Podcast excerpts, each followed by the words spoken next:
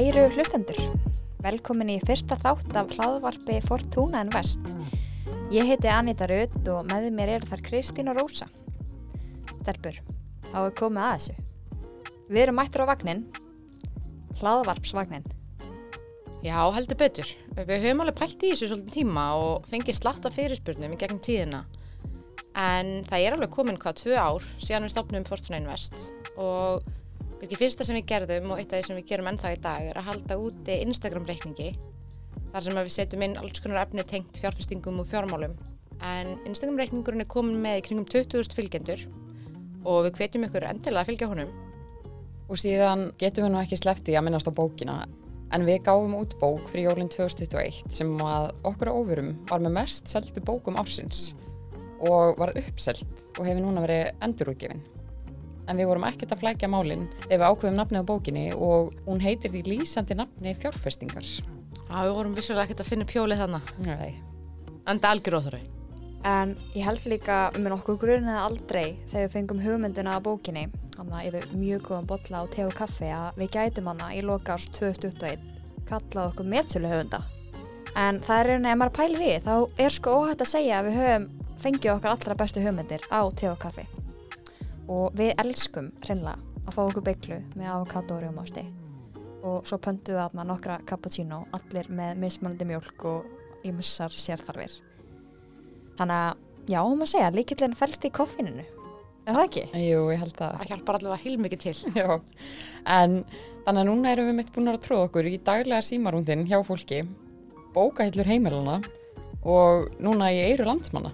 Þetta er vægast sagt heilug þrenning, ef svo má segja og talandi um heilega þrenningu að þá er við með hagfræðingur, viðskiptafræðingur og lögfræðingur. En í þessu hlaðverfi ætlum við að halda okkur innan fjármálaheimsins og fara á dýftina í nokkru málöfnum. En ég held bara að okkur sé ekkert af vambúnaði og við skulum bara henda okkur beint í fyrsta þáttin. Íslenskar hlutabröðamarkaði. Um daginn þá ákvæði að fletta upp bókin okkur á Goodreads og það var eina aðtöðsend sem að sagði kendi mér aðalega að ég vissi miklu meira um fjárfestingar en ég held. Og ég held að við getum alveg svolítið verið sammálað því að það eru mjög margir sem að upplifa örgla svona móment.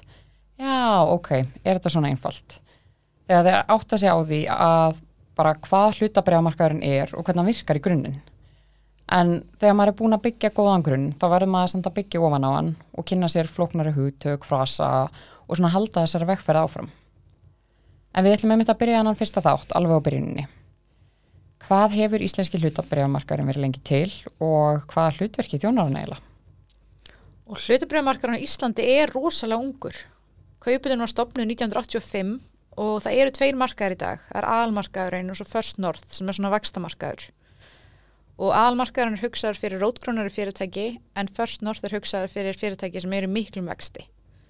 Það eru dag 23 félög á almarkaði og 7 á First North.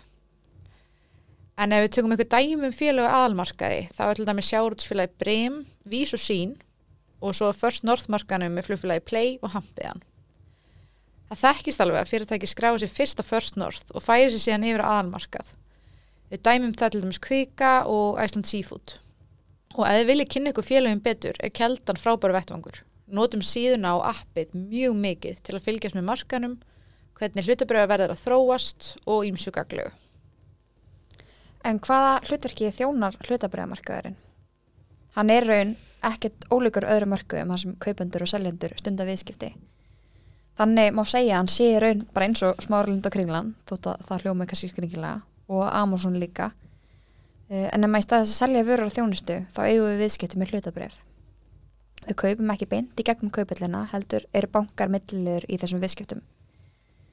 Fyrirtæki þau skrása marka til að fá fjármagn fyrir reksturinn sinn og með því fáum við tækifæri, ég og þú, til að fjárfesta í þessum félögum og þannig taka þátt í atvinnulífunu. Sem dæmum þetta þá getum við öll eignast kvóta með því að fjárfesta í sjáurútusfélagunum eins og til dæmis brem og síldavinslinni sem bæður skráða aðalmarkað. Og hvort sem okkur líkar að betur að verð að þá erum við nú þegar öll þáttakandur á hlutabriðamarkaði og jú, að því að allir Íslendingar sem eru 16 ára eldri og eru byrjar að vinna að þeir greiða hlutfall af launónu sínum í lífeyrisjóð og lífeyrissjóðunir eru stærstu þáttekundinir á íslenskum hlutabriðamarkaði og eiga samtals um það byrj helming allra skráðara hlutabriða. Það er bara rosalega mikið. Um, en þeir eiga til dæmis helming hlutabriði í Arjónbanka og töluvert meira en helminga hlutabriðum Haga sem að reyka til dæmis bónus, ólís og söru.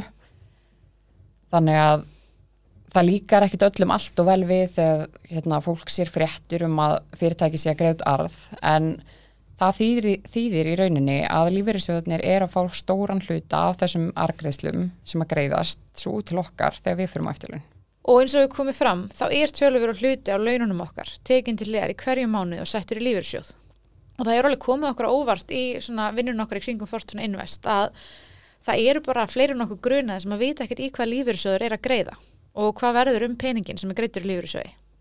En það skiptir máli að kynna sér þessa hluti þar sem lífyrirsjóðunir eru ólíkir. Það er mismunandi hvort fólk hafi valum í hvað lífyrirsjóð skildusbarnarinn fer en þegar kemur á viðbúta lífyrirsbarnaði eða sérregnarsbarnaði eins og hann er einnig kallaður hafa allir valum hvert er greiða.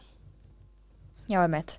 Ég er til dæmis í frálsa lífyrirsjóðunum og ég valdi sérstaklega að vera með skildulífyrirsbarnaðminn þar af því að þar get ég ráðstafað meiri hlutanum af greiðslanum sem ég greiði mánalega í sérregn sem er erfist og hjá frálsa er það hæsta hlutfallið af öllum íslensku lífyrirsjóðunum og fyrir mig skiptir þetta mjög miklu máli en ásamt því að greiða mánalega lífyrirsjóð þá erum við sögum hver einna að greiða hlut af launum okkar í stjættafélög Félagsgjöld hjá flestum stjættafélögum er á bylunu 0,7 til 1% af launum okkar og það getur svara til 50 til 100.000 krónu ári.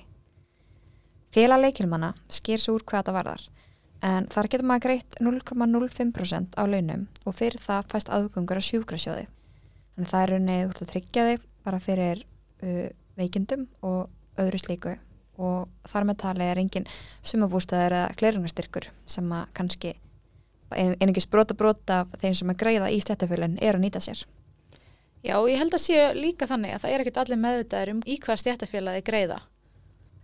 En kaupilin var stopnur ára 1985 þá undir nafninu Verbreyfaþing Íslands og fyrsta félagi var skráð á markað uh, árið 1990 það er alveg ótrúlega stutt síðan til að setja í samhengi þá er þetta sama ár og Áslög Arna og Aron Pálmarsson eru fætt allavega, þá er markaðurinn hér mjög ungur og það sést ennþá betur þegar við berum hann saman við nágrannlöndin en kauplinni Kaupmannhöfn var stopnið árið 1808 það er svona á sama tíma og Íslendingar byggu í Moldakvöfum og lifðu á Kvalsbyggi og eins og til dæmis með kaupöllin á Wall Street sem er stofnuð 1792 þetta er náttúrulega bara allt og langt, langt síðan, maður tengir ekkit við þetta. Og styrlust aðreind að þar voru konur að viðskipti með verbreyf lungu áður en þar fengu kostningaritt og talandu um Wall Street að það eru öruglega eitthvað rétt núti sem að ímynda sér kaupöll og verbreyf viðskipti eins og þau byrtast gerðnan í bíómyndunum svona sem að hlutabriða meðlararnir standu á gólfinu, rópandi og veifa höndum upp í loft. Wird ja wahrscheinlich nicht so toll werden hier. Zurich 23, Citibank. En þó að uppgjör hlutabriðavískipta á Íslandi hafi verið rafræðin fyrir upphafi þá var það bara nýlegar sem að þurfti ekki lengur að taka upp tóli til þess að eiga viðskipti og núna er til dæmis hægt að eiga viðskipti með hlutabarfi símanum eins og við vitum flest. Í Íslandsbankafnu það er til dæmis hægt að kaupa og selja hlutabarfi með mjög þægilegum hætti og hafa góða yfirsýn yfir verbreyðarsamni.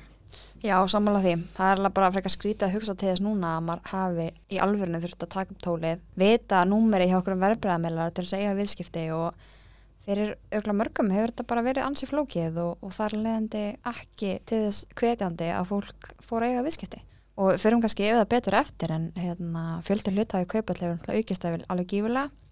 Og það bara gefur auðvitað leið að hérna, við myndum aldrei ná að þjónast allan að fjölda að það eru allir allar línur glóðandi en eins og sögum hann þá var eiginlega kaupall ekki stopnað í Íslandi fyrir árið 1985 en það er samt alveg til sagum verðbröðuskiti fyrir þann tíma.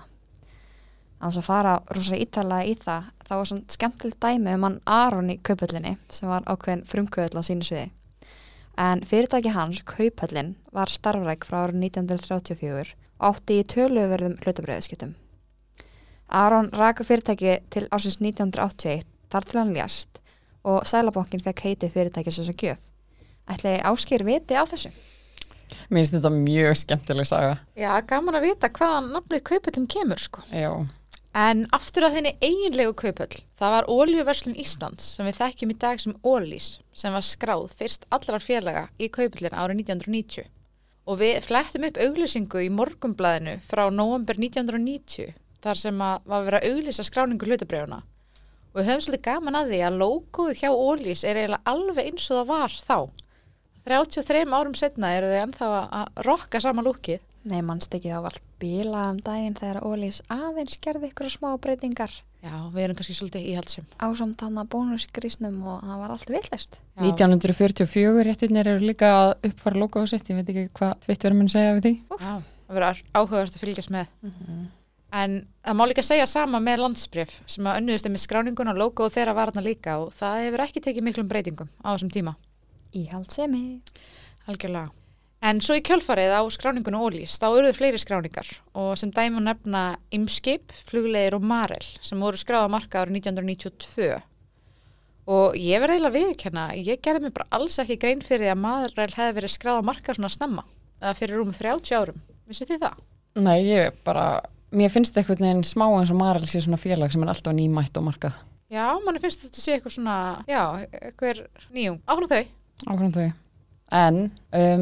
á árunum 92 til 98 þá var, þá var markaður hérna með óskráð hlutabrjöf sem var kallaður opni tilbúðsmarkaðurinn. Og á tímabili voru þarna um 50 félög, til dæmis íþróttafélagi Káir. Og það voru mörg félög sem að hófu vegferðina sína þarna á inn á skráðamarkaðinn, semst byrjuðu á opna tilbúðsmarkanum og farið sér svo yfir. En eins og við komum inn á áðan, þá var fyrsta félagi skráð á íslenska hlutabrjámarkaðurinn árið 1990 og það týndist síðan fleiri og fleiri inn á markaðin eitt af öðru. Já, boltinn byrjaði heldur betur að rúla og, og það fór ansið mikið að myndast og ekki, ekki bætti úr því þegar að netbólan fór að hérna, láta þessu kræla.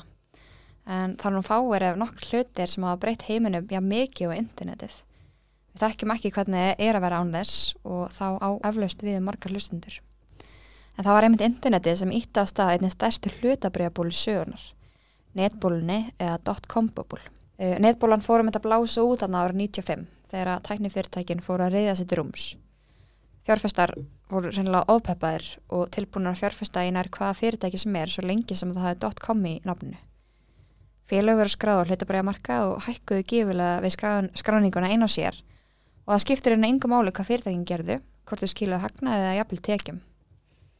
Á þessu tímabili þá hækkaði næstakvísitalan um 572% á 5 árum og náði hámarki sínu þann 10. mars árið 2000 og það má segja að bólun hafi einmitt náð hámarki sínu þann dag. Já, bjartsýnin var hreinlega ofmikil sem endaði með því að þessi svo kallega bóla sprakk og hlutabröða verið hrundi. Markarinn endaði frjálsu falli í um tvö ára á eftir. En það voru auðvitað mörg fyrirtæki að byggjast upp á þessum tíma og mörg tæknifyrirtæki lifðu af þrátt fyrir að verðmæti þeirra hafi lækka mikið tímabundið. Og það má taka dæmi um fyrirtæki eins og Microsoft, Google og Amazon sem við þekkjum öll í dag. Herru, já, og taland um Microsoft, þá var eiginlega bara að nefna þá styrluðu staðreind að Bill Gates, hann stundaði nám í einum á örfáum grunnskólum bandaríkjana sem áttu tölvu árið 1968. Þannig að þarna var heldur betur réttum aður á réttum stað á réttum tíma. Já, vá, það er alveg magnað að hugsa til þess. En á þessum tíma þá slapp Ísland ekki óskatta frá netbólunni. Þarna uh, er reynsla íslenska fjárfesta að viðskiptum með alþjóðlega hlutabrif ekki mikil en það stutt síðan að heimilt var að fjárfesta í verbröðum utan landstinnuna. Ísland hefur nefnilega ansi oft verið í einhvers konar höftum og það var klála á þessum tíma bara uh, nýbúið að afnema þau. En bólan hafði svo sem ekki mikil áhrif á skráð félagi kaupillinni en það engin tækni fyrirtæki skráð á þeim tíma. En það var mun meira fyrir í kringum viðskiptum með brefin okkur um óskráðum félagum. Mest ábyrrandi íslenska félagið í umræðinu netbóluna er örugla Decode, móðufélag íslenskar erðagreiningar, sem var mitt fyrsta íslenska félagi til að vera skráð á bandarískan hlutabröðamarka árið 2000. Líkt og áðursaði raug verð brefana upp úr öllu valdi og hrundi þegar bjart sínar væntingar gengur ekki eftir. Og það er mitt ótrúlustu dæmi frá þessum tíma, til dæmis sveitarfélagi Rauvarhöfn, hver hefði trúið því? Það fjárfesti bara heilmikið í alls konar fyrirtækjum sem að tengdust tekni eins og til dæmis OS og Decode og fleiri fyrirtækjum sem að reyndust síðan vera slæmkaup og settu sem sagt fjármál sveitafélagsins bara í algjört uppnám. Þó að teknufyrirtækin hafi ekki verið skráðið kaupöll, þá hafði ástandið Erlendis og líka á óskráðamarkanum innanlands bara þau áhrif að íslenski aðalmarkaðurinn lækkaði um yfir 20%. Eftir netbóluna feirament markaðurinn aftur að byggjast upp og árið 2001 þá voru félög aðalista kaupallinnar 75 talsins og þau hafa bara aldrei verið fleiri. Til samanbörjar í dag eru þau 30 með First North og það er bara spurning hvenar hérna við náum aftur þessum mikla fjölda.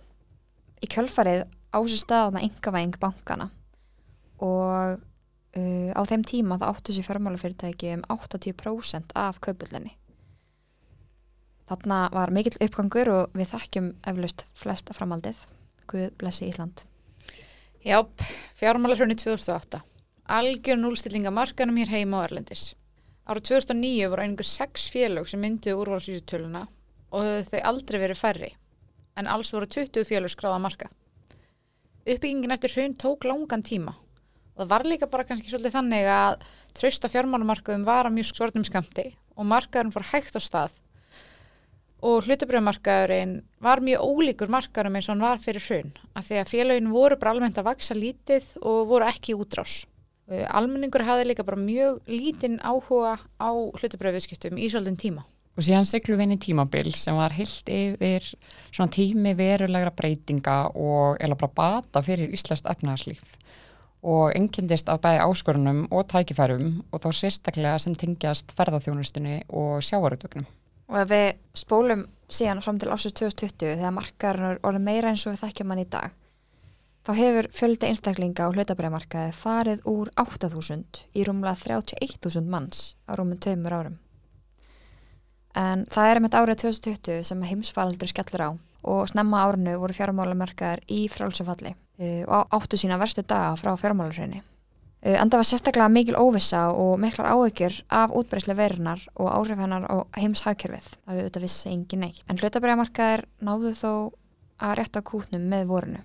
Og þetta var árið sem að við sildum inn í svo kallega lágvaksta umkörfi sem var bara einhvern veginn nýr veruleiki fyrir Íslandinga. Allt í einu voru stýrivextir 0,75% þegar voru legstir og það var einhvern veginn ekki lengur hægt að fá ásættanlega ávöxtun bara á bankareikningum og fólk þurfti að leita með sparifíða sitt í miklu áhættu meiri fjárfestingar heldur en hefðu gert áður til þess að reyna að fá okkur ávöxtun. Síðan í september það árið 2020 í miðjum heim- heimsfaraldri þá ákveður Æslandi er að ráðast í hlutafjörútbúð. Um eitt að verðt að nefna að Æslandir var á þessum tíma skráður hlutabræðamarkað en heimsfaraldurinn var reksturinnum erfiður sem er ansið skililegt. Já, því að það var náttúrulega enginn að fljúa á þessum tíma og ferðalög almennt ekki í kortunum. Þannig að Æslandi er þurft að fá inn meiri pening til að halda reksturinnum gangandi.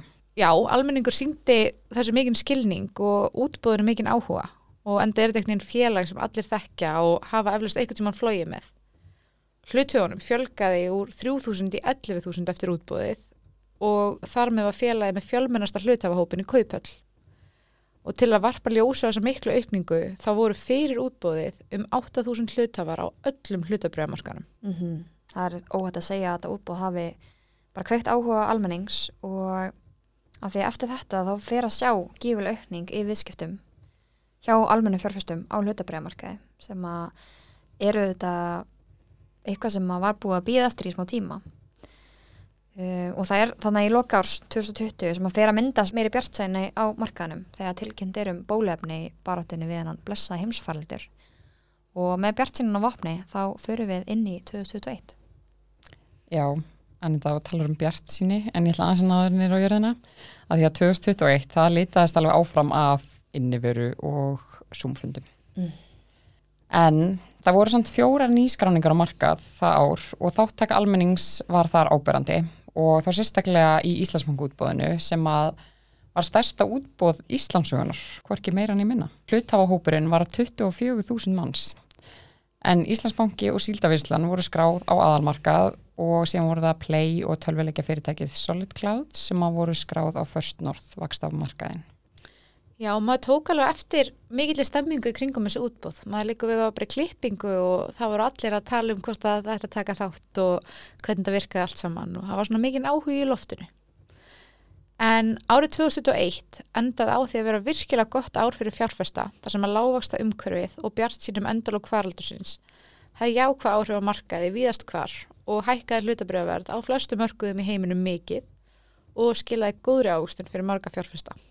Já, einmitt, það var árið 2021 sem að skilaði bara bestu águstun frá fjármálurhunni og það er erfitt einhvern veginn að ætla það að trúa því að svo þróun haldist bara áfram. Við veitum auðvitað aldrei hvernig markaðurinn bregst við á morgun og við förum inn í árið 2022 sem að kemur sér ljós og það var bara ansið þungbart á mörkunum, sérstaklega með við það sem við höfum fengið að vennjast árnaður.